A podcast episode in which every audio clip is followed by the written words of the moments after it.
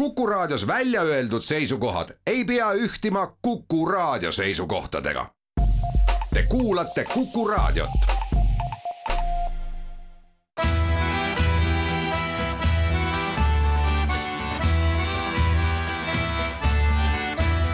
Kirillitsas Eesti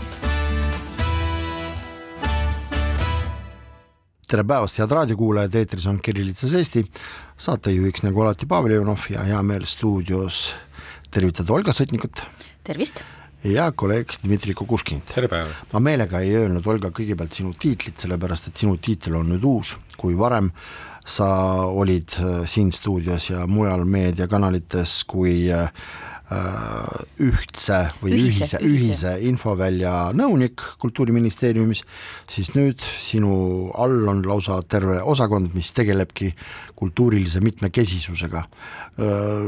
Ma saan aru, et see kultuuriline mitmekesisus, see kõlab umbes nii nagu Balti jaama Draamateater, võib-olla kellegi mõttes, aga selgita ära, mida siis see kultuuriline mitmekesisus kui osakond, kui bürokraatlik selline struktuur, mida see tähendab? jah, meie osakond tegeleb laias laastus lõimumise ja kohanemisega ehk selliste teemadega, ähm, millega äh, millega võib-olla mõni arvab, et tegelikult ainult Integratsiooni Sihtasutus, aga tegelikult kultuuriliin, Kultuuriministeeriumis on jah, siis terve osakond, kes tegelebki äh, selle poliitikavaldkonna äh, kujundamisega ehk äh, ehk äh, meie äh, siis äh, mõtleme selle peale, kuidas paremini lõimida neid vähelõimunud, kes meil siin on, me aitame kaasa Ukraina sõjapõgenike kohanemisele siin Eestis, korraldame neile keelekursuseid, korraldame neile sellise ühepäevase kohanemisprogrammi, samuti meie vastutusalas on näiteks töö meie rahvusvähemuste kultuuriseltsidega, eks me kõik teame, et Eesti on väga mitmekultuuriline ühiskond, meil on üle kahesaja erineva rahvuse esindaja siin ja üsna mitme mitmetel nendest rahvuse esindajatest on ka omad, omad seltsid olemas. kas uues ametis sa ka äh, pigem äh, arvad, et äh, lõimumine hakkab eesti keele oskusest või siiski on mingid muud äh, aktsendid? Eesti keele oskus on väga oluline osa lõimumise ja kohanemise protsessist, aga mitte ainult. on väga olulised kontaktid inimeste vahel, on väga olulise seesama inforuumi küsimus, millest me oleme siin ka palju, palju rääkinud, et millist meediat tarbivad ühed ja teised inimesed ja kas nende meediaväljad kuidagi kattuvad. see info, mida nad saavad ja ju kujundab nende väärtushinnanguid ja nende suhtumisi nii sellesse, mis toimub Eesti sees kui ka Eesti väljas, nii et äh, siin on väga erinev aspekt, et keeleoskus ja keeleõpe on oluline erinevatest seisukohtadest lähtudes ka näiteks tööjõu konkurentsiks püsimisel ja, ja, ja tööjõust sõltub ju inimeste sissetulek ehk nende majanduslik äh,, majanduslik seisund ja nii edasi, nii et need kõik asjad on omavahel nagu justkui seotud äh, ja keeleõpe ja keeleoskus on oluline osa äh, sellest protsessist. huvitav, võiks küsida, miks sa, Pavel, niimoodi nagu uuris, miks just? sellepärast, et ma olen vastik ajakirjanik. esitan igasuguseid küsimusi aga miks sa seda küsid minu käest ei no selles mõttes, et see oli ju ammu ja nagu vankumatu alus, eks ole. vot täpselt ja lihtsalt ajendas täna hommikune üks jutuajamine ühe Narva inimesega telefoni teel. Äh, ta ütles, et kuule, et ma tahan lihtsalt sulle rääkida oma loo ja ta rääkis. poolteist aastat tagasi inimene otsustas või isegi natukene rohkem kui poolteist aastat täiesti meie mõningate erakondade mõistes umbkeelne inimene, läks siis Narvas eesti keele kursustele, sellepärast et ta sai aru või kuidas noh, sai aru, tähendab, tema jaoks oli normaalne see mõtteviis, et tema elab Eestis, tema peab siiski eesti keelt oskama, kuna tema amet veel eeldab mingisugust bürokraatlikut tegevust, täiesti loogiline otsus inimese jaoks ja ta läks ja ta jõudis nii kaugele, et kui tema isegi lähedased ütlesid, et kuule, et sa ei pea tegema eksamit algkategooriale, sa võid nagu võtta järgmise, et äh, me kuuleme, me näeme, me tunnetame, et sa oled täiesti edukas ja sa oled tubli ja sa võid saavutada rohkem kui selle algkategooria. tänaseks inimese lingvistiline mälu on null või nullilähedane. põhjus väga lihtne seda ei ole, seda keelekeskkonda. ja ta ütles, et praktikat pole. jah, ta võib üritada nii palju, kui ta tahab ja tema soovist selles kontekstis ei piisa. ehk siis minu küsimus ongi nagu see, et öö, kas reaalne demograafiline ja geograafiline olukord ei ole takistuseks lõimumisele? no see on midagi, mida, mida me ei saa muuta ju, me ei saa võtta no, Ida-Virumaa ja, ja kuidagi paigutada näiteks kui me saame muuta, siis me ei saa ka nõuda.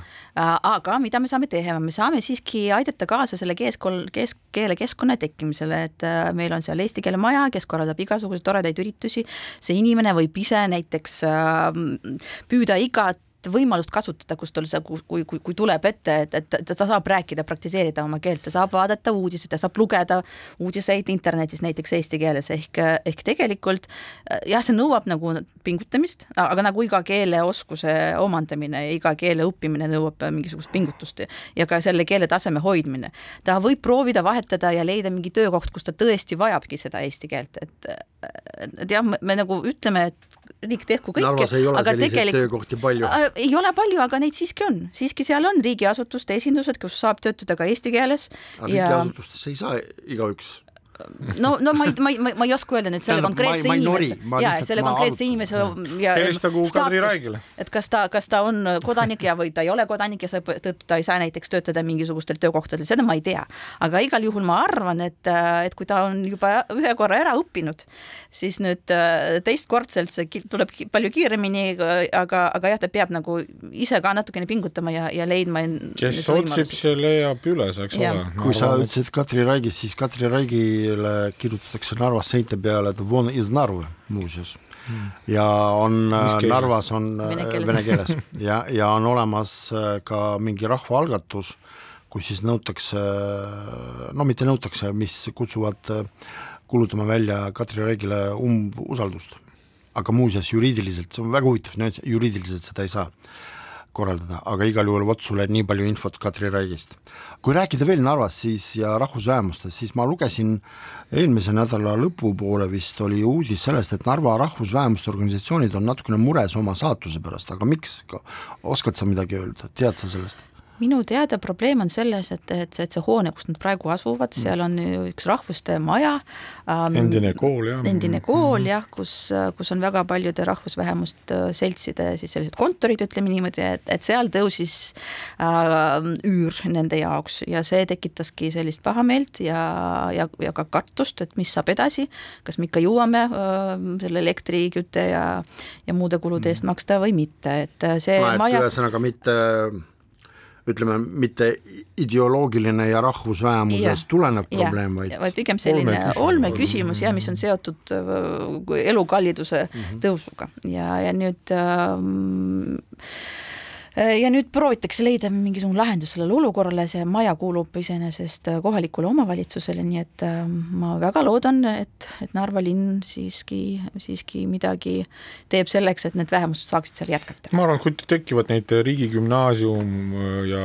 riigi lasteaed jah, või eestikeelne lasteaed, võib-olla siis leitakse neile, nende vähemuste ühendustele seal koha, kohta. no võib-olla. näiteks aga kas äh, Ukraina rahvusvähemused tunnevad ennast äh, Eestis äh, kui rahvusvähemuste organisatsioon? Turvaliselt, ega me ju mäletame, et eelmisel aastal nii mõnigi slaavi keelne rahvusvähemuste organisatsioon võttis teravalt sõna muuhulgas ka ukrainlaste suhtes, kes Eestis elavad. no Ukraina seltse meil on mitu ja erinevaid erinevates kohtades. Ja tegelikult eelmisel aastal on neid ka kaasatud äh,, äh, neid kaasati riigi poolt selleks, et selle kriisiga toime tulla, selleks, et tekitada need suhtluskanalid äh, Ukraina põgenikega, selleks, et pakkuda mingisuguseid tegevusi äh, Ukraina põgenikele ja noortele inimestele, nad säilitaksid oma keele ja kultuuri, ehk neid on ka toetatud riigi poolt ja ma arvan, et nad tunnevad üsna turvaliselt siin Eestis ja neil on ka riigipoolne tugi olemas ja mitte ainult selline moraal, visuaalne, aga, aga ka rahaline teeme väikese reklaamipausi ja siis juba jätkame tõesti sel teemal, et kas äh, Eesti ukrainastamine, ukrainastamine on äh, reaalne oht või see on midagi muud.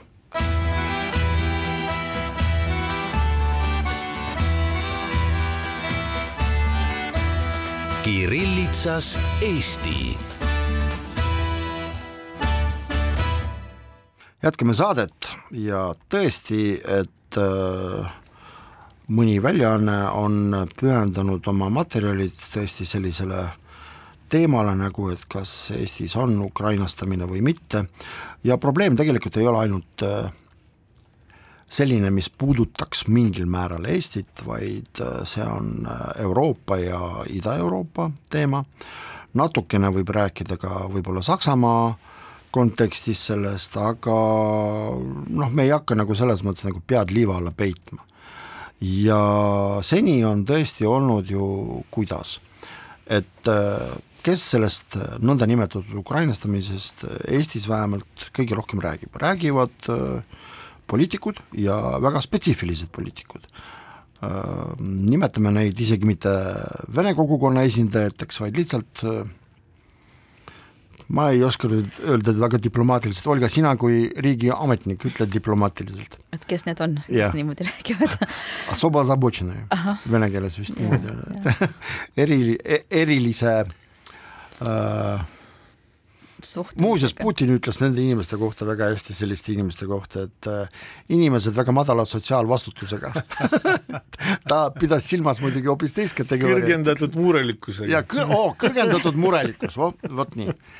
ja ka viimasel ajal, viimase kuu jooksul on äh nii mõnigi äärmiselt provokatiivse iseloomuga liikumine, näiteks nagu Koos äh,, korraldanud nagu kaks videokonverentsi sel teemal, kus siis kutsutakse marginaalid kokku ja arutatakse, et Eestis on ukrainastamine.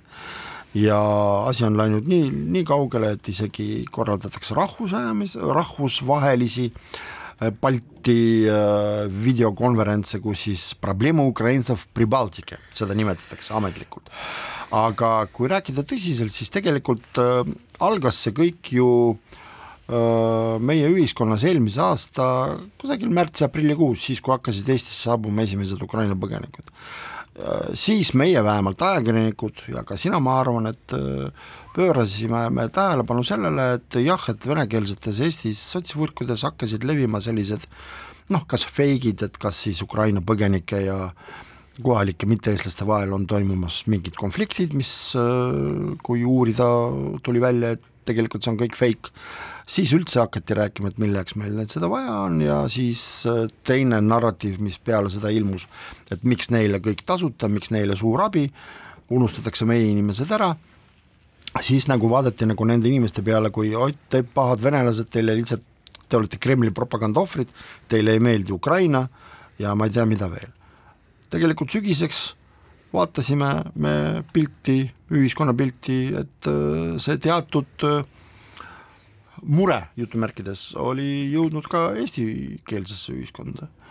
ja nüüd siis tegelikult me vaatame ja loeme uudiseid, et seal Ukraina põgenikud öö, peavad seal oma elamise eest maksma ja nemad enam ei saa üht või teist hüvesid, mis neil oli, ehk siis tegelikult see ma väga vabandan, aga see kõlab natukene küüniliselt, aga see, see kogu väsimus sellest sõjast ja kogu sellest ka migratsioonilainest on tekitanudki sellise äh, paradigma või siis sellise mõtteviisi, et tegelikult ju vist on vaja nagu edasi mõelda selle peale, kuidas elada, minna tagasi tavarööbastesse ja läbi selle võib-olla ka see suhtumine on hakanud muutuma.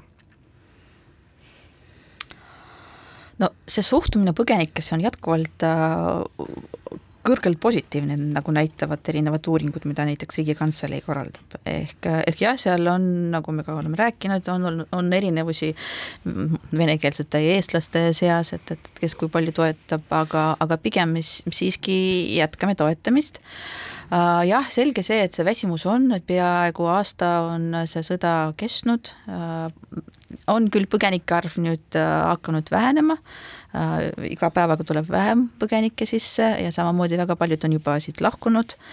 Ja üleüldse näiteks uuringud näitavad et, et seitsekümmend kaheksa protsenti Ukraina põgenikest vist tahaks tagasi minna kunagi, siis kui sõda on lõppenud.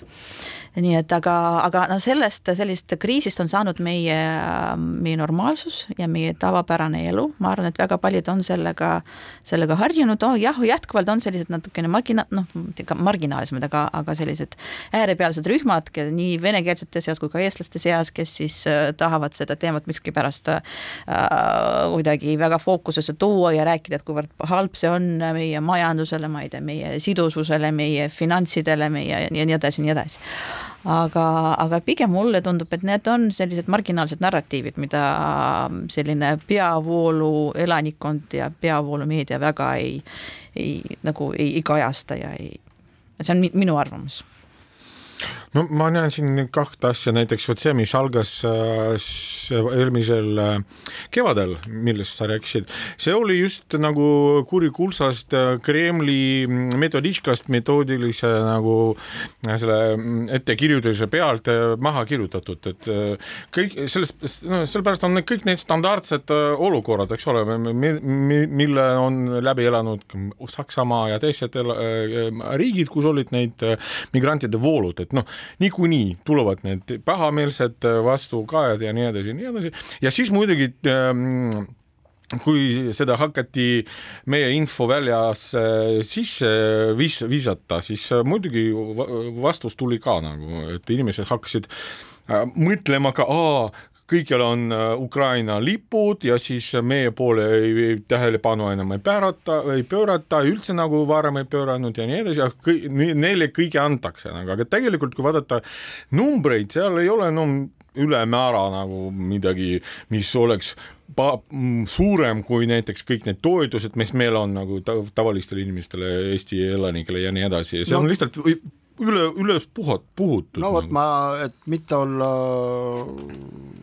tähendab vastupidi, et toetuda faktidele, siis äh, kuna ma ütlesin, et lausa Balti riikide vaheline videokonverents sel kui palju oli... osalejaid sel konverentsil, kas sa oskad öelda äh,? arvuliselt mitte, aga tähendab, et ma just tahtsin tsiteerida, et mis on nagu Eesti esindajate mure, mis on Leedu, mis on Läti et äh, Eesti esindaja siis ütles niimoodi, et eestlastel on tekkinud küsimused, miks inimene, kes äh, tuli meile võõrast riigist, kes ei tea keelt ja ei oma mitte mingisugust suhet Eestiga, saab kõike, aga kohalikud inimesed provintsist äh, on sunnitud elama vaeselt ja töötama madalapalgalisel tööl.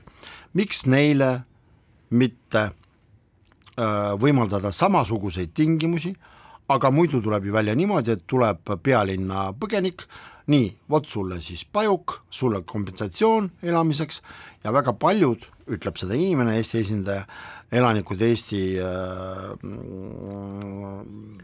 maakol-, maakohtadest samuti tahaksid elada hotellis ja äh, laevadel ja tingim-, tingimusel, et riik maksab kõik kinni. oh my god. vot, vot selline. aga jaa, muidugi, aga nad, kas nad tahavad ka elada siis pommirahede all ja et nad kuidagi kogu aeg tunda seda, et, et nüüd tuleb keegi, keegi tema, tema, tema, tema majja sisse ja tapab ta ära, et kas, kas siin no, no, noh. ei no see on, see on puhas propaganda ja populistlik nagu näide, et. Leedu, Leedu näide ka muuseas muuseas äh, Leedu esindaja siis sellel videofoorumil. meil, ukrainlased, tunnevad ennast Leedu peremeest, Leedus peremeestena äh,. mitte keegi ei räägi sellest, aga meil Leedus äh, iga administratiivhoonel on äh, üles riputatud Ukraina lipp, meil Seimis äh, äh, täpselt samamoodi on Ukraina lipp, see on meile, leedukatele väga valus mm. -hmm jah, see on ja imeline, et muidugi muidugi, muidugi selliseid no, ettekandeid tehakse. kurat. Isegi natsism, no vabandust jah, sest no, no et ma, kui ma, sa saatsid selle lingi, ma süvenesin selle väga huvitava, muideks nagu selle portaalile, mis ta, rodina.ee. kodumaa, jah. kodumaa, et kodumaa, see on nagu vot noh, ehe näide Kremli propagandast. ma just tahtsingi küsida, kas yeah. seda võib tõlgendada kui Kremli propaganda. absoluutselt aga mul on niisugune tunne, et see on lihtsalt meie kohalike ei, inimeste ei, oma lollus. kõik need no, Nad võib olla kasulikud idioodid selles mõttes, see on täitsa võimalik no,. kõik need, äh, need, need, kuidas ütelda, need, need äh, noh, sposobõ jah, kuidas ütelda. meetodid. meetodid või neid, isegi neid äh,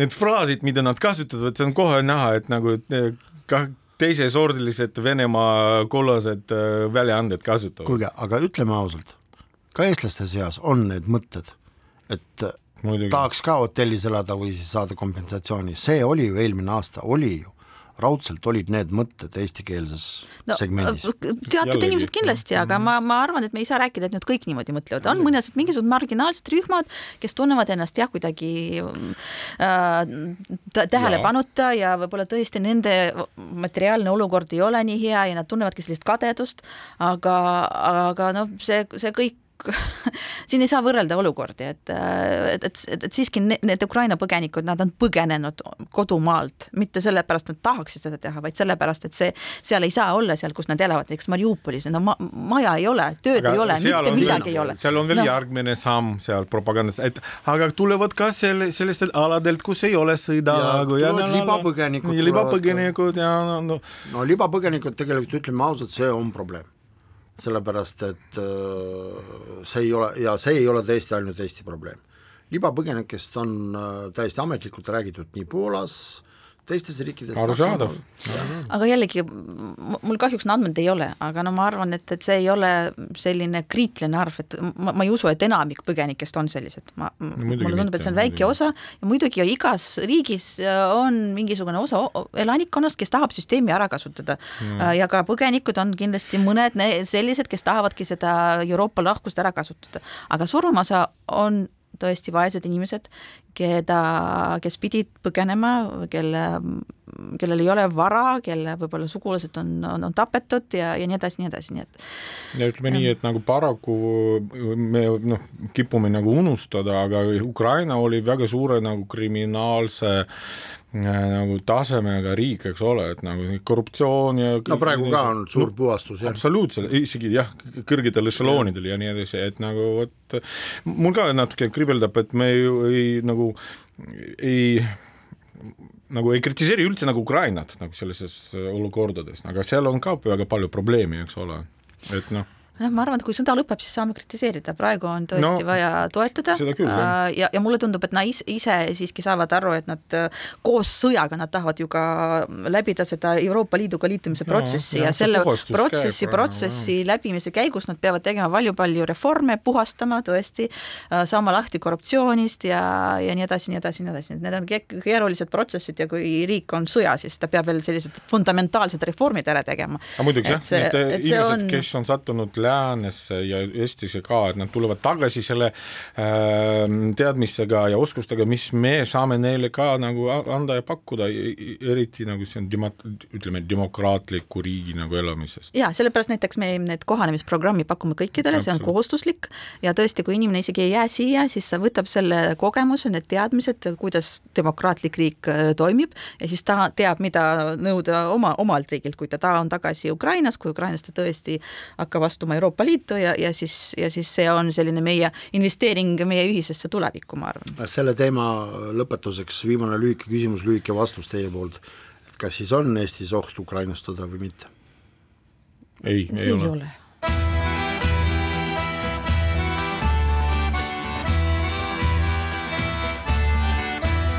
Kirillitsas Eesti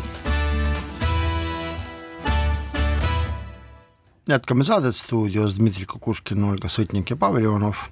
eile oli ETV Plussis esimene valimistsükli saade, kus siis esimeses saates äh, arutasid omavahel ajakirjanikud ja politoloogid ja kõige huvitavam sellest äh, saatest oli siis saate lõpuosa, mis siis kutsus üles arutama, milline on siis äh, kõige peamisem intriig eelseisvatel Riigikogu valimistel. ja ma olin ka seal öö, kutsutud ja osalesin selles debatis ja ausalt öeldes ma pean teile ausalt tunnistama, et öö, minus tekkis väikene nördimus öö, selle üle, mida ma kuulsin kolleegide suust. ja aga sellest pisut hiljem, et esimene tähendab, mitte esimene, vaid siis millised nagu intriigid olid äh, nimetatud Vene ajakirjanike poolt äh, eelseisvatel viienda märtsi valimised, ma arvan, et nad on raadiokuulajatele ka huvitavad, et näiteks politoloog Peeter Taim ütles, et kõige tähtsam intriig tema jaoks on see, et kas Ida-Virumaal isikliku mandaadi saab Mihhail Stalnuhhin või mitte, äh, teised ajakirjanikud nimetasid siis, et näiteks, et intriig on see, et kes saab teise koha, kas Keskerakond või EKRE kolmandaks siis pakuti välja sellist asja, et kas koos saab läbi või mitte, ma praegu lihtsalt ütlen kõik need intriigid, aga pärast lähen natukene konkreetsemaks. Oli veel arvamus see, et kes keda ära teeb, et kas Eesti kakssada või sotsdemmid ja siis veel tõesti arutati veel seda, et kas Ida-Virumaal Toom teeb Stalnuhhini ära või Stalnuhhin teeb Toomile ära, aga mis mind nagu häiris, nii kuidas ma ütlesin, et millegipärast absoluutselt kõik, välja arvatud, vabandust, mina, no mõni tuli välja, kõik panid intriigiks just liikumise koos. Ja minus see tekitas väikese sellise väga ebameeldiva dilemma, sellepärast et kõik nagu kolleegid muretsevad sellesama liikumise pärast, et kas nad saavad sisse, kas nad, kas neil õnnestub saavutada kaheprotsendiline viieprotsendiline? ei, kaheprotsendiline, sellepärast kaks protsenti on see piir, millal hakatakse riigist raha andma, riigi poolt raha andma. aga, aga nad ju omavahel seal hakkavad kaklema ja siis see on juba teine asi siis veel, et äh, leidis, leidus ka inimene, kes võrdles äh, ühte liikumise koosfiguuri Edgar Savisaarega.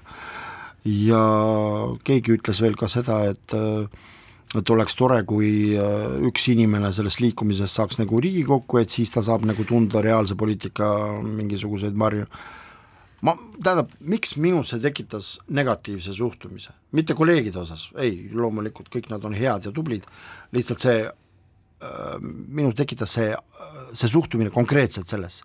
kui me nädal aega tagasi olime olukorras, kus me saime aru, meie, venekeelsed inimesed, et seesama liikumine lihtsalt pani enda usu esindaja metropoliit Jevgeni tanki, selle nõndanimetatud rahu eest äh, palvetab pal-, palvusega minu meelest peaks absoluutselt tegema kõik selle jaoks, et neid ära hoida ühiskonnast üldse. see oli ikkagi no masendavalt küüniline tegu ja pange tähele, ega nad ei teinud sellest mitte mingisuguseid järeldusi vastupidi, panevad edasi. muidugi, muidugi, mulle üldsegi nüüd tuli mõte, et nad äh, Ne, ne, nende siht sellel, äh, sellistel nüüd ees seisvatel valimistel ei olegi nagu Riigikokku sisse pürgimine, sest noh, kõik, kes vähemalt no vähemalt määral saavad aru, kuidas meie süsteem, see valimissüsteem töötab, saavad, saab aru, et nad ei saa sisse muidugi, sest nende sihtrühm on need, kes ei saa valida, eks ole, kellele nad oma propagandat teevad, aga nende vot selle mm, kuidas ta on see koos liikumise sihtmärk võiks olla teha võimalikult palju skandaale ja võib-olla siis enne valimisi teha midagi, et kapo esindajad tuleksid ja võtsid nad neid vahti, vahi alla ja kõik nad saaksid ütelda, oot, jällegi nagu meie vabadus. Ja, ja, ja, ja, ja, ja, ja, vot noh, kõik nagu liigub ja, ja, ja meie võt, oleme, me tahtsime sellepärastki nad no, otsivadki neid skandaale, isegi vot noh, vaese meie nagu kirikuga, no milleks oli see, see ei oleks nagu täitsa nagu ebamoraalne, aga noh, nende nagu see pürgimine on arusaadav nagu mina mitte religioosse inimesega ütleksin, et see, et see skandaal metropoliidiga ei olegi nii oluline, lihtsalt kõik see, mida nad eelnevalt on öelnud teiste asjade kohta, on ka nii õudne, et tegelikult neile ei tuleks mingisugust äh, sellist tribüüni anda ja ma arvan, et mida vähem me nendest räägime, seda mhm. parem. ma olen täiesti äh, nõus ja sellepärast me, ma, ma tahtsingi seda praegu siin tõstatadagi just sellest aspektist lähtudes, et miks me seda teeme ja praegu me räägime mitte sellepärast, et nende äh, imagot veel nagu parandada, vaid äh, või neid upitada, vaid just nagu sellest, sellest minu meelest väärast arusaamast, et me ei saa aru, kus on see demokraatia tõesti, mis eeldab ka valimiseelsel perioodil äh, Riigikogusse pürgijate pariteetset äh, esinemist meedias, ma saan sellest väga hästi aru, aga samas no ei, see ei, see ei absoluutselt ei ole seesama, kui me nii kuidas Holgi ütles, nii kuidas sina ütlesid, et me näeme nende reaalset tegevust, me kuuleme nende retoorikat ja me saame aru, et see on täiesti no vastuvõtmatu lausa kohati. ja rumal ka selles mõttes, et nad korduvad igasuguseid nagu fraasid ja need istinad, et nagu, et kõik teavad ja muidugi siis äh, inimene, inimene kuulab, mida tahab ja siis ta paneb like'i või paneb nagu jah, ja ma olen nõus, sest no lausa niimoodi, et nagu päike tõuseb idast, oo oh, jaa, muidugi, muidugi, olen nõus ja, ja, ja nii edasi, et nagu vot sedamoodi nagu kõik need liikumised töötavadki, nagu sekt. aga, aga veel üks tõesti, kui rääkida nendest intriigidest, mida eile siis kolleegid välja ütlesid, ma olen nõus sellega, et Stalnuhhini fenomen ütleme niimoodi, on intriig, sellepärast et kui varem, see on puht isegi statistiliselt huvitav, et kui varem oli teada, et kodanik äh, võtab hääli, olles konkreetse erakonna ridades, tema on teatud äh, vedur oma regioonis, siis tõesti praegu on huvitav vaadata, kas ta nüüd ilma selle erakonnata nagu suudab midagi äh, saavutada või mitte, ehk siis see, kuivõrd kõrge on see individuaalne äh, tase selles valimisvõitluses. no Mihhailil isegi nagu eelmistel valimistel Keskerakonna sees olid juba üsna no sellised äh, mitte kõige paremad mitte kõige paremad tulemused, aga nüüd ta hakkas ka ju nagu otsima toetust äh, selliste inimeste seas, et kes ei saa valida, hääletada ei saa ju, no neid äh, kohalikud halli passi omanikud ja Vene kodanikud, et noh, tema retoorika just nagu suunatud neile kõik see nagu aga kas me võime siis järeldada seda, et praegune valimiseelne periood, mis on seotud Riigikogu valimistega, on nende nõndanimetatud aktivistide ja marginaalide jaoks proovikivi enne järgmisi kohalikke valimisi? Muidugi, muidugi, muidugi. Noh, need viskavad proovikive, nad otsivad sponsoreid, et nagu te, teevad ennast nagu suurema kuju, kui nad on tegelikult ja nii edasi ja nii edasi, et praegu on jah, siis see väga nagu soodsa, soodne aeg seda teha.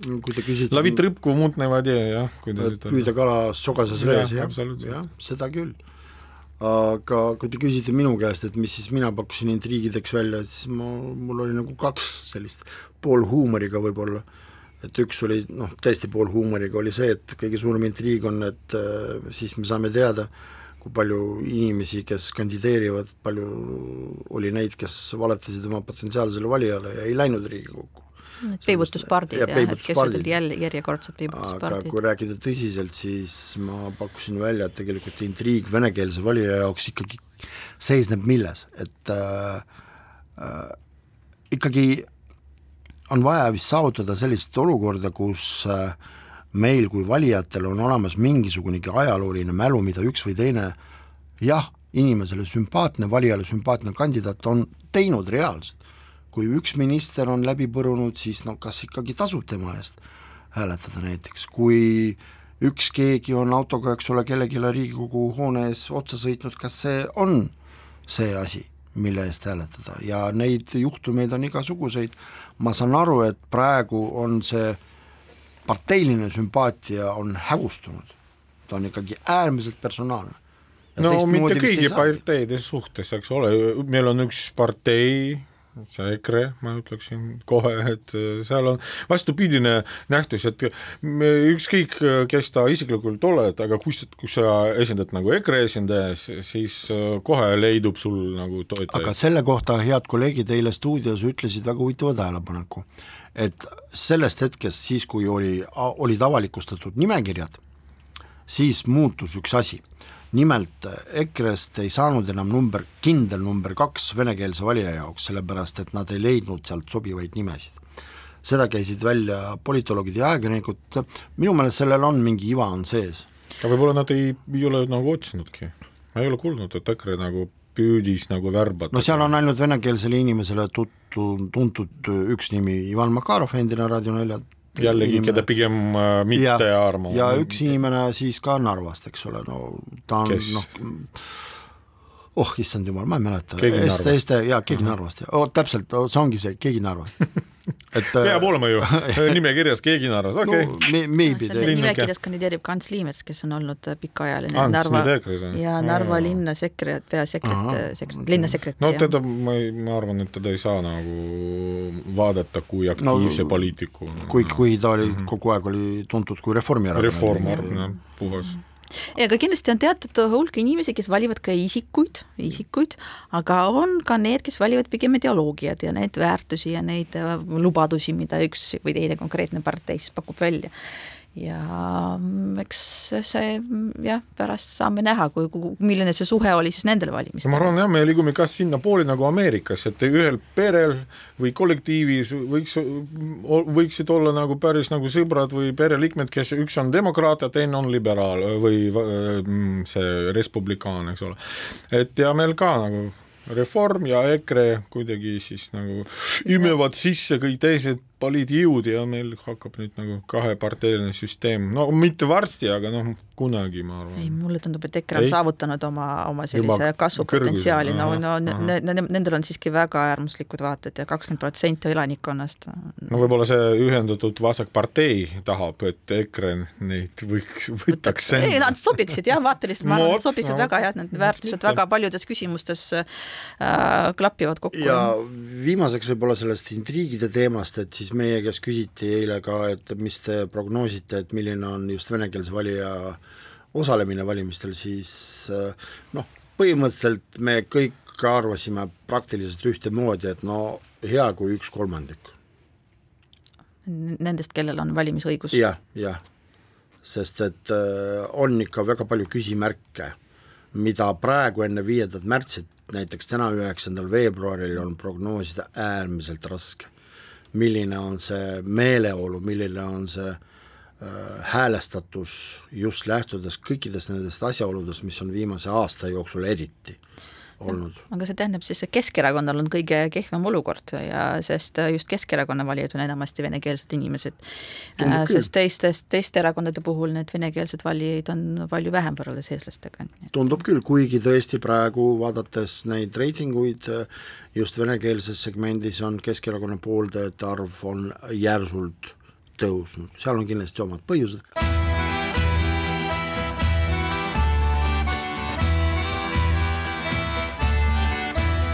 Kirillitsas Eesti. jätkame saadet ja ka sel nädalal äh, oli meedia keskpunktis üks teema, mis on äh, vägagi oluline siinsetele mitte-eestlastest inimesel, inimestele ja eriti neile, kes äh, saades aru, mis maailmas toimub, mis toimub nende peades, on otsustanud siiski vahetada oma passi, Venemaa passi Eesti passi vastu. aga jah, kõik saavad aru, et praegusel ajal on Venemaa pass on äärmiselt toksiline, täpselt niimoodi on ka pealkirjades, materjalides, et venekeelne pass on toksiline, aga temast ei saa lahti. ja need, kes näiteks äh, üritavad Eestis saada Eesti kodakondsust, on sattunud teatud mõttes lõksu. me kõik teame, me oleme ka siin stuudios, ka selle saate raamis raames rääkinud mitu korda sellest, et tegelikult see, see bürokraatia just nagu Venemaa poolt on tekitanud sellise olukorda, kus lihtsalt ei ole niivõrd lihtne sinna sõita, sellepärast et sa pead koha peal kõiki neid asju vormistama, saada mingid miljon spravkasid ja et sa ei ole, et sa ei ole või vastupidi, et sa oled. ja nii edasi, nii edasi, aga samas vot, vot see lõks ongi nagu see, et ühest küljest bürokraatia äh, mida tavainimene ei saa muuta. ja teisest küljest on see sisemine öö, tunnetus, et sa tahad passi ära vahetada. ja siin nagu järjekordselt ikkagi puutuvad, tähendab, põrkuvad kokku sellised asjad nagu, et sa pead ühest küljest nagu Eestis tõestama, et sa ei ole kaamel, sa oled lojaalne, sa ikkagi oled oma elu sidunud nii mentaalselt, nii ka olmeliselt Eestiga ja siis sa pead tegelikult sellesama, eks ole, protseduuri läbima ka Venemaal, sinna sõites, aga mine sa tea, järsku sind värvatakse sõjaväkke, no ja peab ütlema, peab tunnistama, et Vene saatkond, vaatamata sellele, et nad on nüüd vähemuses, et nad on äh, uuesti hakanud vastu võtma neid äh, taotlusi, et äh, et inimesed saaksid loobuda Venemaa kodakondsusest. Ja selles mõttes nagu takistusi vähemalt näilisi ei ole, me ju ei tea, järsku on mingisugused muudatused bürokraatias toimunud, aga vist ka ei ole. et kuidas selle toksilise passiga siis edasi minna? et Olga, sina kui ametnik, kes sa peaksid tegelikult tagama seda, et äh, lõimumine Eestiga, sealhulgas ka läbi dokumendi, mis tegelikult seostab äh, inimest riigiga, et ta oleks äh, lihtne, aga vot see, milline võiks olla või peaks olema see Eesti riigipoolne samm nendele kodanikele vastu? No Eesti riigi poolne bürokraatia on väga lihtne tegelikult, et kui sa räägid nende inimestega, kes on kokku puutunud Venemaa ja Eesti bürokraatiaga, need ütlevad, et see on nagu äh, päev ja öö, et, et, et, et, et meil ei ole demokraat-, äh, bürokraatiat tegelikult, et, et meil kõik, kõik on väga-väga lihtne, väga kiire ja nii edasi. Ja mis puudutab nagu riiklikku seisukohta, siis muidugi meie huvides on see, et need inimesed, kes siin pikaajaliselt elavad, kes on otsustanud Eestiga oma elu siduda, olgu need kolmandate riikide kodanikud nagu Venemaa või on need mittekodanikud, nii-öelda halli passi omanikud, et nad kõik teeksid ära selle kodakondsuse eksami ja taotleksid Eesti passi ja saaksid Eesti kodanikeks, see on meie jaoks kindlasti oluline, oluline selline mõõdik. Ja selleks oleme ka, teeme, selleks me teeme, meil on Integratsiooni Sihtasutused see ähm, spetsiaalne programm olemas, kus inimesed saavad ka lausa puhkuse võtta selleks, et need asjad korda ajada ja nad saavad ka raha tagasi ja saab ka keelt õppida ja, ja, ja, ja nende kodakondsuseksamiks ette valmistada, kohta, et tegelikult meie poolt on olemas äh, mitu instrumenti, äh, kuidas siis äh, tõesti aidata kaasa sellele, et inimene saaks seda, seda kodakondsust võtta. ja mida me näeme, on see, et eelmisel aastal näiteks just nende Vene kodanike arv, kes tundsid huvi selle programmi vastu ja ka, kes on tegelikult oma kodakondsuse vahetanud ka kahekordistunud. et need halli passi inimesed, nad kuidagi on äh, vähem aktiivsemad, aga Vene kodanikud on jah, tõepoolest äh, aktiivselt osalenud kõikides nendes programmides ja ka reaalselt andnud sisse neid dokumente äh, kodakondsuse vahetamiseks. aga nüüd see, mida teeb Venemaa, seda me kahjuks ei saa mitte no kuidagi mõjutada ja seetõttu lihtsalt tuleb jah, soovida jõudu nendele inimestele võitluses Venemaa bürokraatiaga. nii kuidas oli Eesti Päevalehes kirjutatud, et vandeadvokaat Urmas Ustav, tema arvab, et meie äärmiselt äärmiselt konservatiivne. Kodakondsusseadus, et ta on nagu ajast pisut maha jäänud ja tema arvates, et võiks teha nendele inimestele, kes tahavad äh, endisest kodakondsusest loobuda, ehk siis antud kontekstis Venemaa kodakondsusest loobuda, aga ei saa seda teha sellest isikust mitte sõltuvatel põhjustel, et neile peaks tegema erandi võiks, miks mitte, jah mm. -hmm. mina kahjuks ei tea, mis see rahvusvaheline praktika on, kas, kas niimoodi no, näiteks mõni teine, kas, kas mm, -hmm. kuidas on see võimalik, et sealt kindlasti tekivad mingisugused õiguslikud kollisioonid, miks on see nagu väga keeruline või, või jah, tõenäoliselt muidugi, kui on poliitiline selline tahe olemas, väga suur, siis mhm. kõike on võimalik teha, aga seal on omad riskikohad ja ma ütleksin, et siin on isegi nagu ime, et Venemaa ikkagi teeb edasi neid protseduure ikkagi, mitte loobunud üldse nagu, aga ikkagi et ikka teeb. võtab vastu neid taotlusi. jaa, võtab, võtab, noh, see võtab küll aega ja nii edasi ja nii edasi, aga ikkagi nad teevad seda ja see on juba ime nagu. tead, aga võib-olla siin on ka mingi mäng, et nad jaa, nad võtavad taotlusi vastu, aga kuna meil ei ole võimalik, eks ole, nii lihtsalt neid asju võib-olla ajada mm, -hmm. et siis see on üks põhjus, et nad, et, et näidata järjekordselt Eesti suunal äh, näpuga, et näed, kutsuvad ise üles, eks ole, loobuma Venemaa kodakondsust, aga ise ei saa Eesti kodakondsust inimestele anda no võib-olla ka jah. ma poolnaljaks ütleksin, et kui saaks nagu seda äh, toksilise passi maha põletada, videosse panna ja siis see arvestataks nagu kui seda nagu tõestust nagu, et sa oled nagu loobunud sellest kodukondsusest. no igal juhul see tõesti see noh, järjekordselt veel kord peab tõdema, et see ei ole niimoodi, et davai, et tulge nüüd Eesti kodakondsusse, et ühest küljest äh, bürokraatia, mitte meie riigi oma muuhulgas, ja teisest küljest mitte meie riigi seaduslik valmidus võib-olla teatud määral, ja kolmas aspekt tegelikult see ka, et äh, julgeoleku aspekt, kusjuures julgeoleku aspekt mitte ainult Eesti kontroll. riigile, tausta mm, -hmm. mitte ainult Eesti riigile, vaid tegelikult mingisugune julgeoleku konteksti äh, mõttes vastutus ka nende isikute eest, keda me saadame näiteks Venemaale, et ta seal vormistaks dokumendid, sellepärast et me ei tea, mis nende inimestega seal juhtub. mine sa tea, inimene on siin kogu aeg elanud, nüüd otsustas vahetada, läheb Venemaale, võetakse sõjaväkke, jääb ellu, ei jää, noh, ei oska ette aimata üldse. et mitte lõpetada niivõrd morbiidsetel nagu meeleoludel saadet, järsku oskate midagi lõbusat ka öelda? Lõbusad, ma ütlesin, et mitte kõik inimesed on äh, üht ja samad, et on ka palju neid venela, venemaalased ja Venemaa kodanikke, kes on sõja vastu, kes on Putini vastu, kes on siin elanud ja töötanud ja, ja kes on väga nagu tublid kodanikud, selles mõttes ei ole, äh, Venemaa pass ei ole selles mõttes toksiline nagu üldse nagu, et seda kohe kantakse nagu inimestele üle.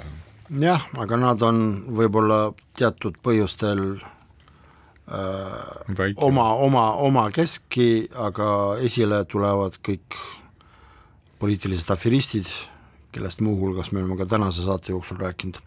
aga ma tänan teid, et tulite saatesse, tuletan meelde, et Kultuuriministeeriumi ametnik Olga Sõtnik oli saates. aitäh! ajakirjanik Dmitri Kukushkin. tänan! saatejuht oli Pavel Ivanov, aitäh kuulamast ja kohtume nädala pärast taas